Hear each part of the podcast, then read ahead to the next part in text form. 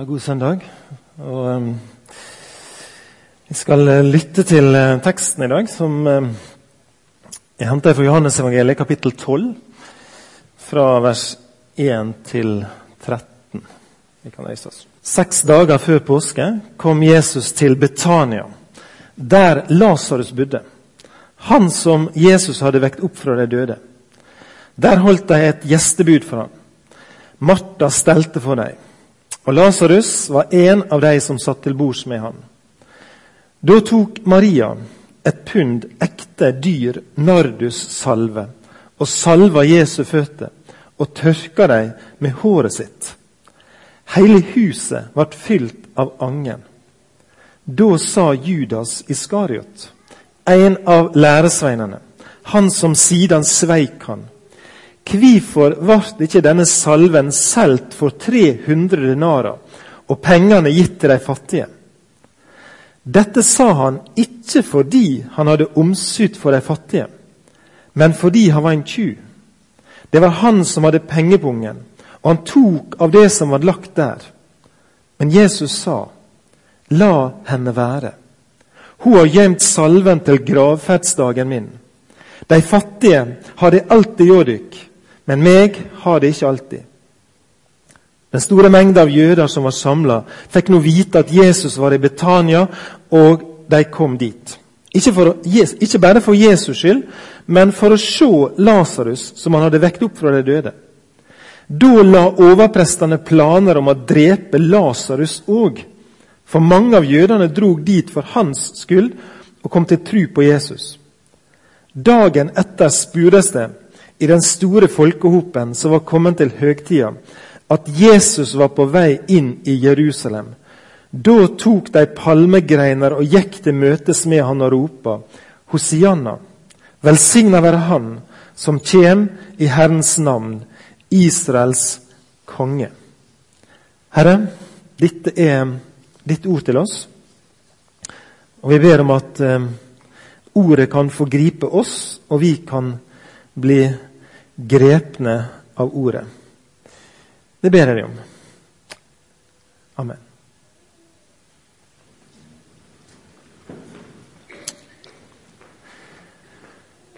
Dette er da teksten for eh, denne palmesøndagen.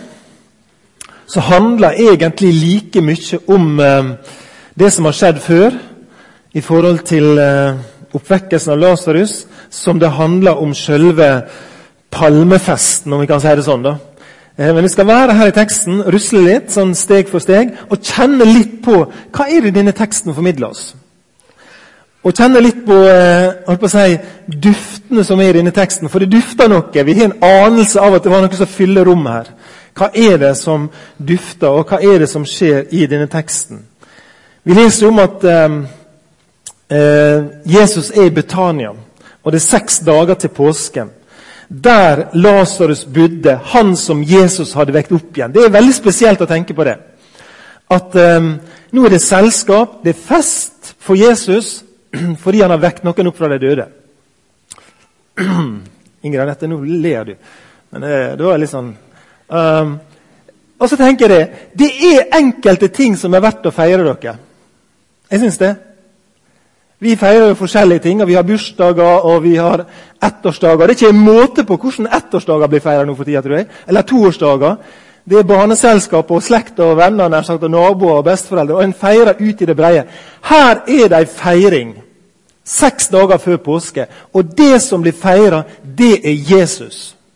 Det er Jesusfest i Betania, og de feirer Jesus fordi han er vekt noen opp fra de døde. De lager en fest for han. Jeg kjente at jeg ble litt sånn begeistra over den tanken. Bare lage fest for Jesus. Ja, Hvorfor skal vi det? liksom? Sant? Jo, fordi han har vekket noen opp fra de døde. Å ja vel. sant? Men det er jo en svær sak. Sant? Han som er oppstandelsen og livet. Han er det de nå feirer. Det er grunn. Det er ikke sånn at Jesus var 30 år den dagen. Da skal vi ha bursdagsfest. Men de feirer rett og slett at han hadde makt over døden. Og tenk dere situasjonen. Lasarus hadde lagt i grava, der det stinka av han, han har lagt der i tre dager. Og nå sitter han ved bordet sammen med dem. Og dette må vi feire. Dette er en anledning så ikke vi må gå fra oss. Han som er sterkere enn døden, har vi tenkt til å, å lage en fest for. Og det er Martha som styrer. Det er Martha som holder på. Eh, og Det kjenner vi litt igjen da fra andre situasjoner. At Martha er den som ofte setter seg i bevegelse for å tjene Jesus. Praktisk. Lage til noe. Jeg vet ikke om det var hun som hadde ideen, for mest sannsynlig så var denne festen eh, i et annet hus enn hjemme hos Lasarus og Martha og Maria. Mest sannsynlig så var det i huset til Simon den spedalske. Hvis du leser i Markusevangeliet kapittel 14, så kan det tyde på at det var der festen var. Det er en parallelltekst til det, denne teksten her. Og de feira hjemme hos Simon den spedalske, og Martha styrer på der. sant? Tenk Litt av ei, ei dame som går rundt i nabolaget og lager fest her og fest der og styrer hjemme. For Jesus. Vi liker Martha. Og Martha gjør en utrolig flott jobb. Um, så er det at det begynner å skje ting i denne festen som jeg har tenkt på før, og som jeg har tenkt på igjen. Og jeg har tenkt på det i forbindelse med denne dagen her. Eh, og jeg, jeg, ser for meg et bilde, eller tre bilder egentlig, i forbindelse med den teksten her. Eller tre ulike krukker, ser jeg for meg. Og skal komme til dem etter hvert. Er det tre krukker som ei etter ei blir på en måte åpna, og det sprer seg en duft i rommet med litt ulik duft. da. Det er litt forskjell på disse her krukkene. Men den første krukka som blir åpna, og den første dufta som brer seg, det er dufta av dyr nardussalve, står det. Og Det blir lagt vekt på at den var dyr. Det var ikke en billig sak. altså. Ehm, det var noe av det flotteste en kunne, kunne spandere på noen. Og hun salva Jesu føtter. I Markus så står det at hun bare tømte det over ham. Bare helte salven som rann ned over Jesus sitt hår og ansikt og ned på føttene. Og hun tørka føttene med håret sitt. Og hele huset ble fylt. Kjenner dere det? Prøv liksom å forestille dere det. Det bare fyller hele rommet. Det Enkelte ganger det, det er det sånne dufter som fyller hele rommet. Vi har en sånn varmepumpe hos oss da, som suger et eller annet som i hvert fall puster ut lufta som er i huset. der, så Hvis vi holder på med et eller annet middagslaging, så kan det være at rommet blir fylt av ei duft. Men her handler det altså ikke om, om billig middag fra Rema 1000, men det er dyr nardussalve, og det fyller rommet, står det. Denne nardussalven kom visst fra en indisk plante som tidlig ble innført til Midtøsten. Og det ga en meget sterk duft. En duft som sprer seg, som sagt, i hele rommet. Og i Høysangen 1.12 eh, der er faktisk duft av denne salven beskrevet. Som liflig, som behagelig. Det er ei deilig duft, står det der velgjørende. Den er lystbetont. Altså, det er noe som setter folk i ekstra god feststemning. Sånn kan det tyde på. Og Dette her sprer seg da i hele huset, og det står i stil til anledninga. Dette er ei duft for anledninga. Dette er ei festduft. 300 denarer. Det er faktisk ganske mye penger, det. Jeg har hatt disse regnestykkene før. Eh, eh, og én denar var en vanlig dagslønn. Ei dagslønn, én denar. Denne salven koster 300 denarer. Det blir litt ut av det. Det er over ei årslønn, det. Det betyr, hvis vi skal tenke i vår eh, tid, så, så, handler det om at, at eh, Maria tømmer flere hundre tusen kroner utover Jesus. Hun sparer ikke på eh, 100 200 300 000 kroner. Bare tømmer ut. Det er ganske svært, det som skjer. Um, og Det skulle bare mangle at det da ikke fylte hele rommet sant? for de pengene der. Bør han få såpass, kan vi tenke. På noen sekunder så, så, gjør hun det. Um, og Vi får senere vite at denne salven her, den hadde hun tenkt å gjemme til begravelsen, eller til gravferdsdagen, og da salve han. Og det kan vi jo tenke litt på. Sant? Hvor lenge er det til Jesus skal dø? Maria har denne salven, og passer på han, og hun har sikkert spart til det. Og der står han, og den har hun bestemt seg for. Den skal jeg bruke når Jesus dør. Men hvor lenge er det til han dør? Er det fem år? Han er jo ikke mer enn vel 30 år. Kanskje han lever til han blir 70 år. Sant? Skal jeg gjemme på han i 40 år, og så skal jeg bruke han? Det er ikke sikkert at Maria sjøl var i live engang. Det går an å tenke litt rundt det. Eh, men så får hun altså en tanke om Og jeg vet ikke helt, det er ikke godt å vite hvorfor, eh, skjer, eller hva som skjer, eh, og hvordan hun vet at hun skal bruke han nå, men hun bruker han iallfall nå. Før Jesus dør. Hun bruker han mens han er i live. Og jeg har tenkt på det jeg har tenkt på det mange ganger. og Noen ganger har jeg sagt det. Det å spandere noe på noen mens de lever, det syns jeg er flott. Og da tenker jeg på det at det, Noen ganger så kan vi være i begravelse, og det er ikke en måte på hva krukke som blir åpna og tømt utover minnet etter den døde. Da bruker vi penger på kranser, på blomster og på veltalende ord. Og vi reiser landet på kryss og tvers, og kanskje over landegrenser, for å være med i en begravelse og ære noen. Og Jeg sier ikke at de ikke skal gjøre det, men jeg syns det er noe vakkert og jeg synes det er noe til ettertanke i forhold til at Maria faktisk bruker noe på Jesus mens han er i live. Skal vi tenke litt på det? Skal vi få lære oss noe? Jeg tenker at Det er en utfordring til meg. Det å kunne spre litt god duft som gjerne koster litt på mennesket mens de fortsatt lever. Tømme denne velduftende salven over mennesker som står oss nær. Vise at vi setter pris på dem mens vi har dem. Plutselig så har ikke vi dem lenger. Vi veit ikke hvor lenge vi har dem. Vi veit ikke hvor lenge vi har den og den hos oss. Sant? Og Maria sparte ikke på det gode, men hun prioriterte å bruke det på Jesus mens han levde. Og Det slår meg det at det, Maria hun prioriterte ofte riktig. Hun fikk vite det at når hun satte seg ned ved Jesus sine føtter og bare hørte på han, så sa Jesus dette er bra. Dette er god prioritering. Mens kanskje Martha var litt sånn eh, ikke helt fornøyd med det, så sier Jesus la henne være. Hun prioriterte rett i forhold til å være hos Jesus. Og så prioriterer hun rett igjen i forhold til det å bruke salven på Jesus mens han lever. Jeg bare tenker litt på det. Og jeg ønsker at det, eh, det skal være sånn for oss og for meg at jeg kan være bevisst på det. Lære av eh, Maria sin klokskap og raushet i forhold til det å salve noen.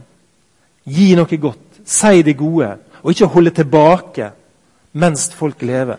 En dag så er det for seint. Da kan vi ha så mange krukker vi vil i skapet, men det hjelper liksom ikke. Så det er noe, noe godt på mange måter i, i Maria. Hun, hun, hun spanderer altså ei årslønn uten å uten å blunke, nær sagt. Det sier oss noe om nær sagt hennes inderlige forhold til Jesus. Hvor høyt hun verdsetter Jesus.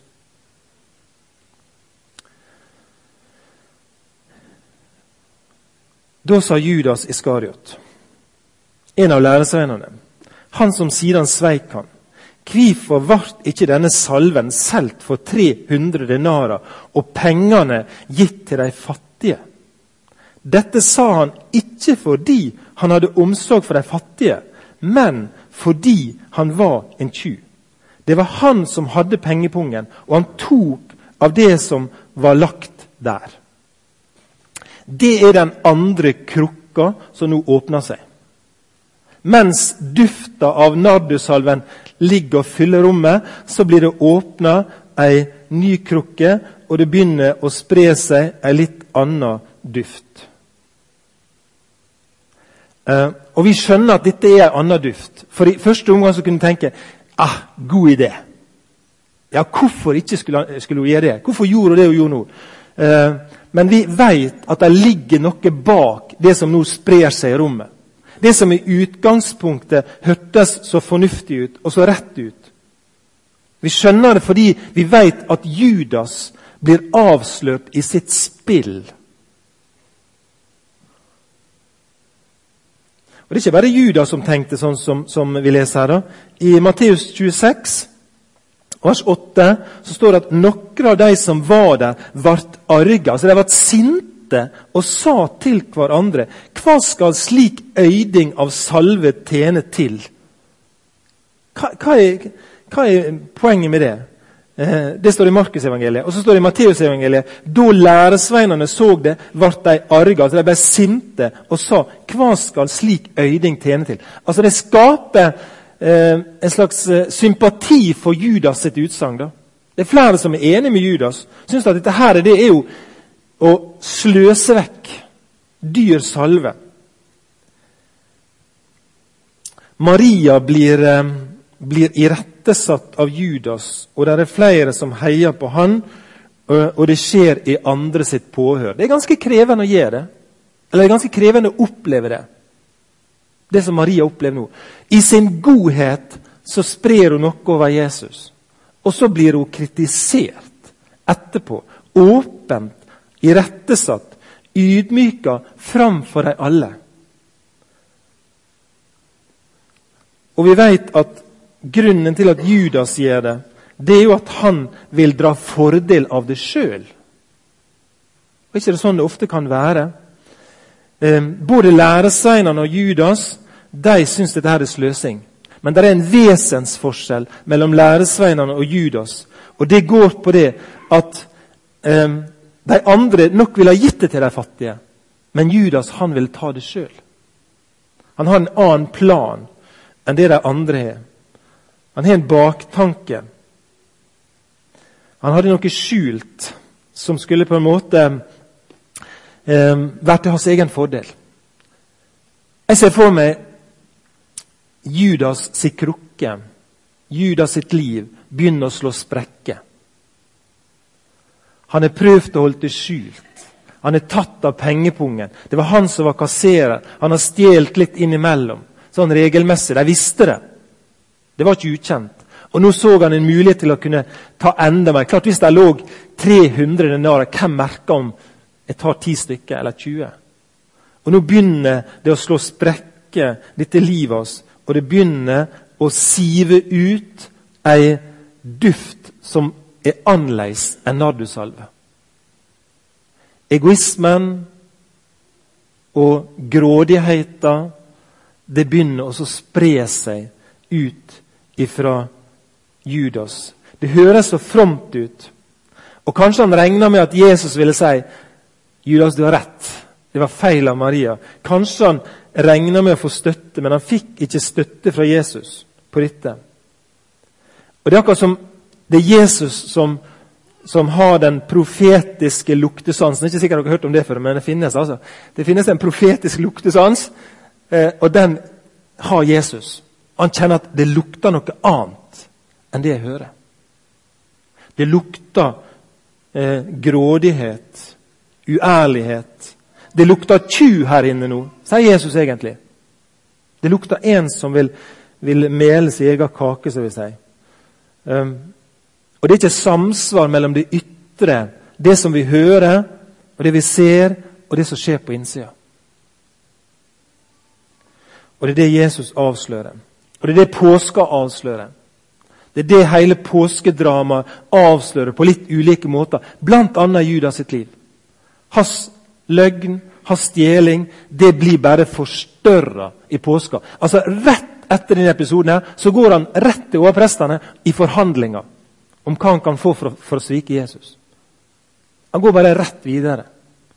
Fordi han har eh, noe i seg som driver han rett og slett til fortapelse. Det driver han i døden. Og det er hans grådighet. Det er hans løgn.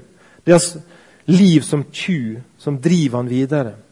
Og så blir eh, påska som et forstørrelsesglass og bare forstørrer det som har levd i Judas lenge. Sånn i det små. Så du måtte liksom ha litt sånn eh, lupe for å finne ut av. Men nå blir det bare større, og så blir det åpenbart. Han er en tjuv. Og han forlater Betania og spør hva vil dere gi meg om jeg hjelper dere for å få tak i han. De talte opp 30 sølvpenger til han, og fra den stunden leter han etter et, et, eh, en anledning til å svike Jesus. Sånn var Judas. Og denne her dufta, den sprer seg altså. Han speider etter en mulighet å få tak i penger på uærlig vis, og han speider etter en mulighet til å svike Jesus. Og Derfor så kan vi si det. Det var ikke Maria som trengte å bli hjertesatt. Det var Judas. Det var ikke Maria som hadde et problem. Det var Judas. Skurken i fortellinga er ikke Maria, men det er Judas. Det er han som trenger omvendelse. Det er han som trenger å fatte et nytt sinn. Det er han som trenger å snu seg om. Det er ikke, det er ikke Maria som gjør det. Eh, og Jeg har tenkt også på det. Det hender at jeg tenker litt på ting. da. Eh, jeg har også tenkt på det at det, I påska så ynder vi å snakke om Peter. Gjør vi det? Liksom Det er Peter som er på en måte den som vi, vi sier at vi gjenkjenner oss sjøl i. Vi, vi, vi syns at Peter ligner på oss med sviket sitt og banninga si og alt det der. Og vi, og vi syns det er flott å tenke på at Jesus favner ham. Og så tenker vi at Peter er litt like oss. Og Så lurer jeg på skal tro om ikke vi ligner enda mer på Judas enn på Peter. Der vi prøver noen ganger å framstille oss sjøl som en annen enn vi er. Der vi noen ganger er beregnende i forhold til hva vi sier, fordi jeg sjøl skal få inntektene på det. Kanskje jeg ligner mer på Judas. Kanskje det er han jeg må si det er han jeg ligner på. Når jeg velger sånn som jeg velger, når jeg bærer fram mine svangerskap i forhold til å planlegge ting som skal tjene meg sjøl og min egen ære Dette sa han ikke fordi han hadde omsorg for de fattige. Hvor mange ting sier jeg fordi jeg har omsorg for meg sjøl og mitt eget? Hvor mange ting frambærer jeg, slik at andre skal på en måte tenke at ja, han er en, han er en bra kar? altså. Oi, er, tenker du så åndelig, du? sant? Det er ikke sikkert er det jeg tenker. Med, med den sagt, profetiske luktesansen som avslører Jesus våre liv. Og Derfor er også Judas-fortellinga en fortelling til oss om at sånne krukker skal vi få lov å bære til Jesus i påska. Og Han lir for det, han dør for det, han blir knust for disse her illeluktende greiene i vårt eget liv. Dette tenkte han ikke for de. Dette gjorde han ikke for de. Det kan bli en vane å ta pengeglasset dere, eller pengekassa. Det kan bli en vane å baktale mennesker. Det kan bli en vane å kritisere mennesker. Og det siver ut som illeluktende. Og vi trenger å omvende oss ifra det. Og Da er det eneste frigjørende her, som i alle andre situasjoner, det å bære det fram i lyset. Og la denne krukka bli knust, og la det sive ut alt dette her og si Jesus, du må legge dine nådige hender på mitt liv igjen og hjelp meg til å være sann. Hjelp meg til å si det som er på innsida, ikke late som. Hjelp meg til å ikke framstille meg som bedre enn den jeg er, men som ærlig, integrert og sant menneske.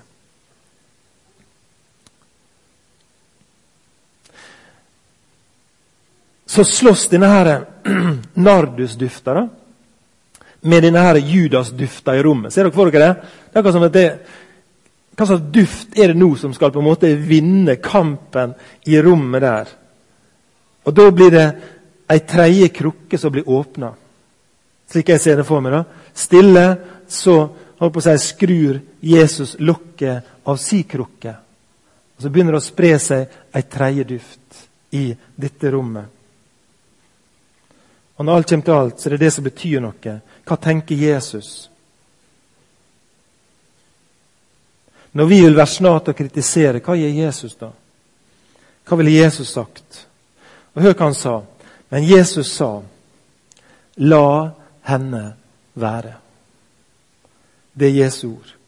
Hun har gjemt salven til gravferdsdagen min. De fattige har det alltid å dykk, men meg har det ikke alltid.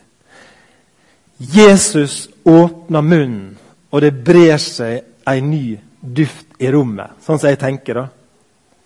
Og det er den som beskytter Maria. I Markus 14, 14,6 så står det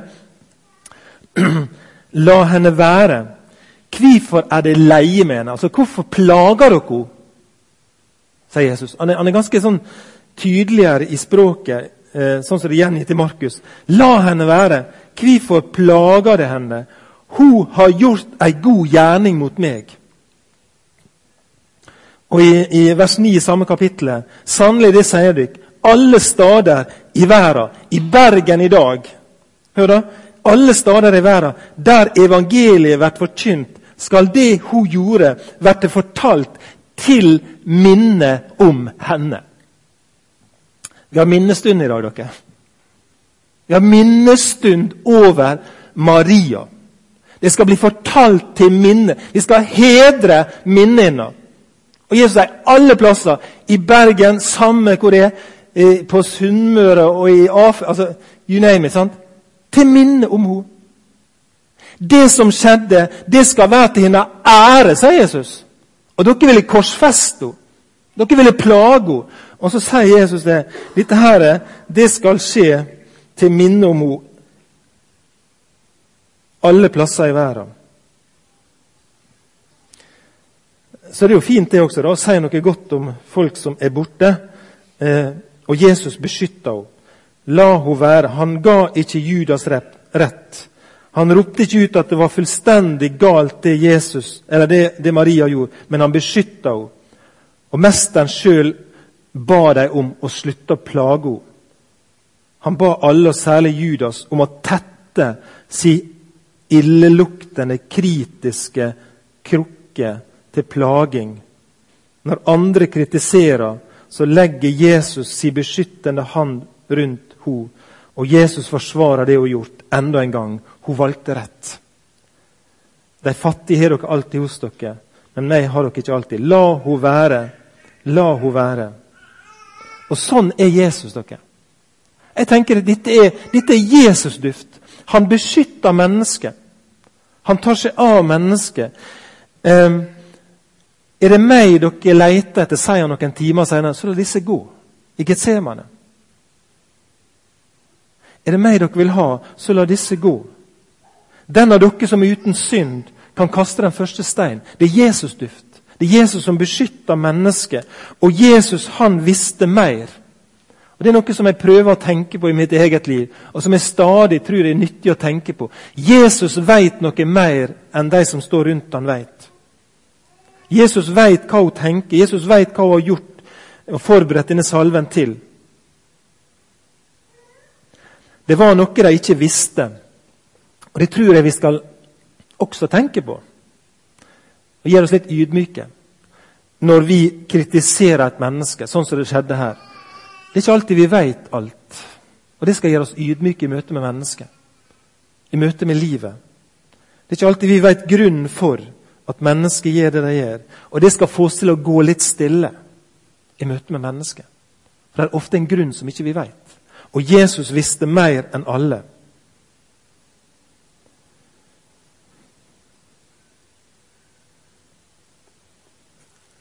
Hun gjorde ei god gjerning overfor Jesus.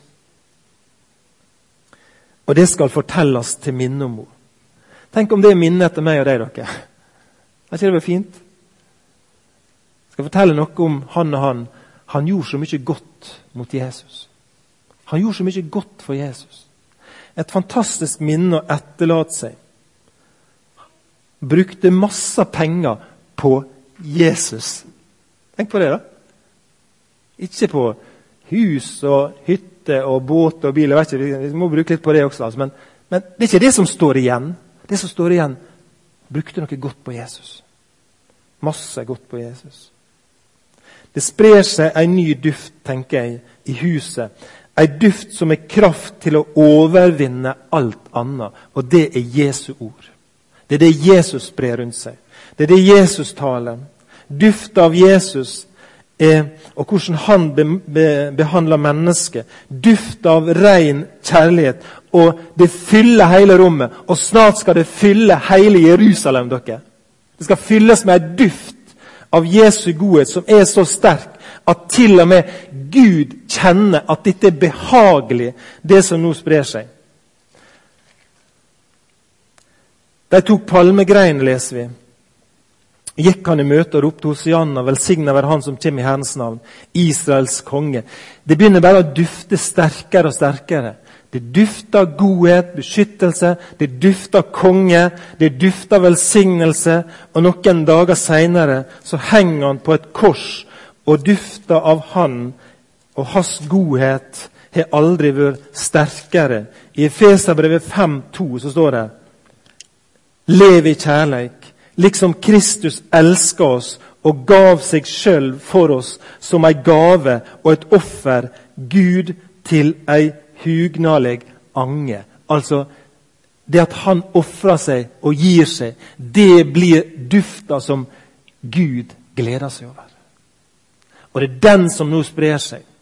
Dufta ikke fra nardussalve, og heller ikke denne kritiske dufta fra Judas, men Jesus åpner si krukke og sitt liv, og så blir det spredd ei anna duft av en kjærlighet som ikke er det at vi elsker Gud, men at Han elsker oss og sendte Sønnen til sin til soning for syndene våre.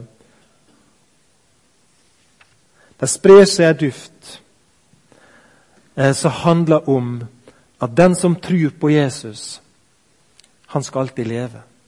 Det sprer seg en duft etter hvert om at den som sanner sine synder, han får tilgivelse. Det sprer seg en duft om at den som tror på Han, er gjenfødt til et levende håp. Og så ser jeg for meg at krukka til Maria, den gikk tom. Og krukka til Judas, den ble også tømt ut, på en måte. Mens Jesus' krukke, da, det er ei sånn Sareptas krukke som aldri går tom. Hans godhet er her i dag. Hans nåde er her i dag. Hans beskyttelse er her i dag. Hans liv, hans død, hans oppstandelse er her, og det sprer seg som en duft til glede for Gud, og jeg kjenner at den er til glede for meg.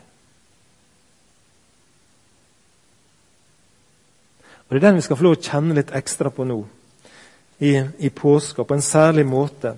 At det sprer seg en duft av hans liv og offer for oss. Til glede, der vi kan synge Hosianna. Velsigna være du. Der vi kan synge Takk at du tok mine byrder. Der vi kan synge Deg være ære, Herre over dødens makt. Det er Jesus krukka dere. Jeg har lyst til å takke deg for det. Takk for det som ligger i denne dagen her. Takk for det som ligger i denne teksten. her. Vil du lære oss noe, her? Både om det å tømme ut for deg.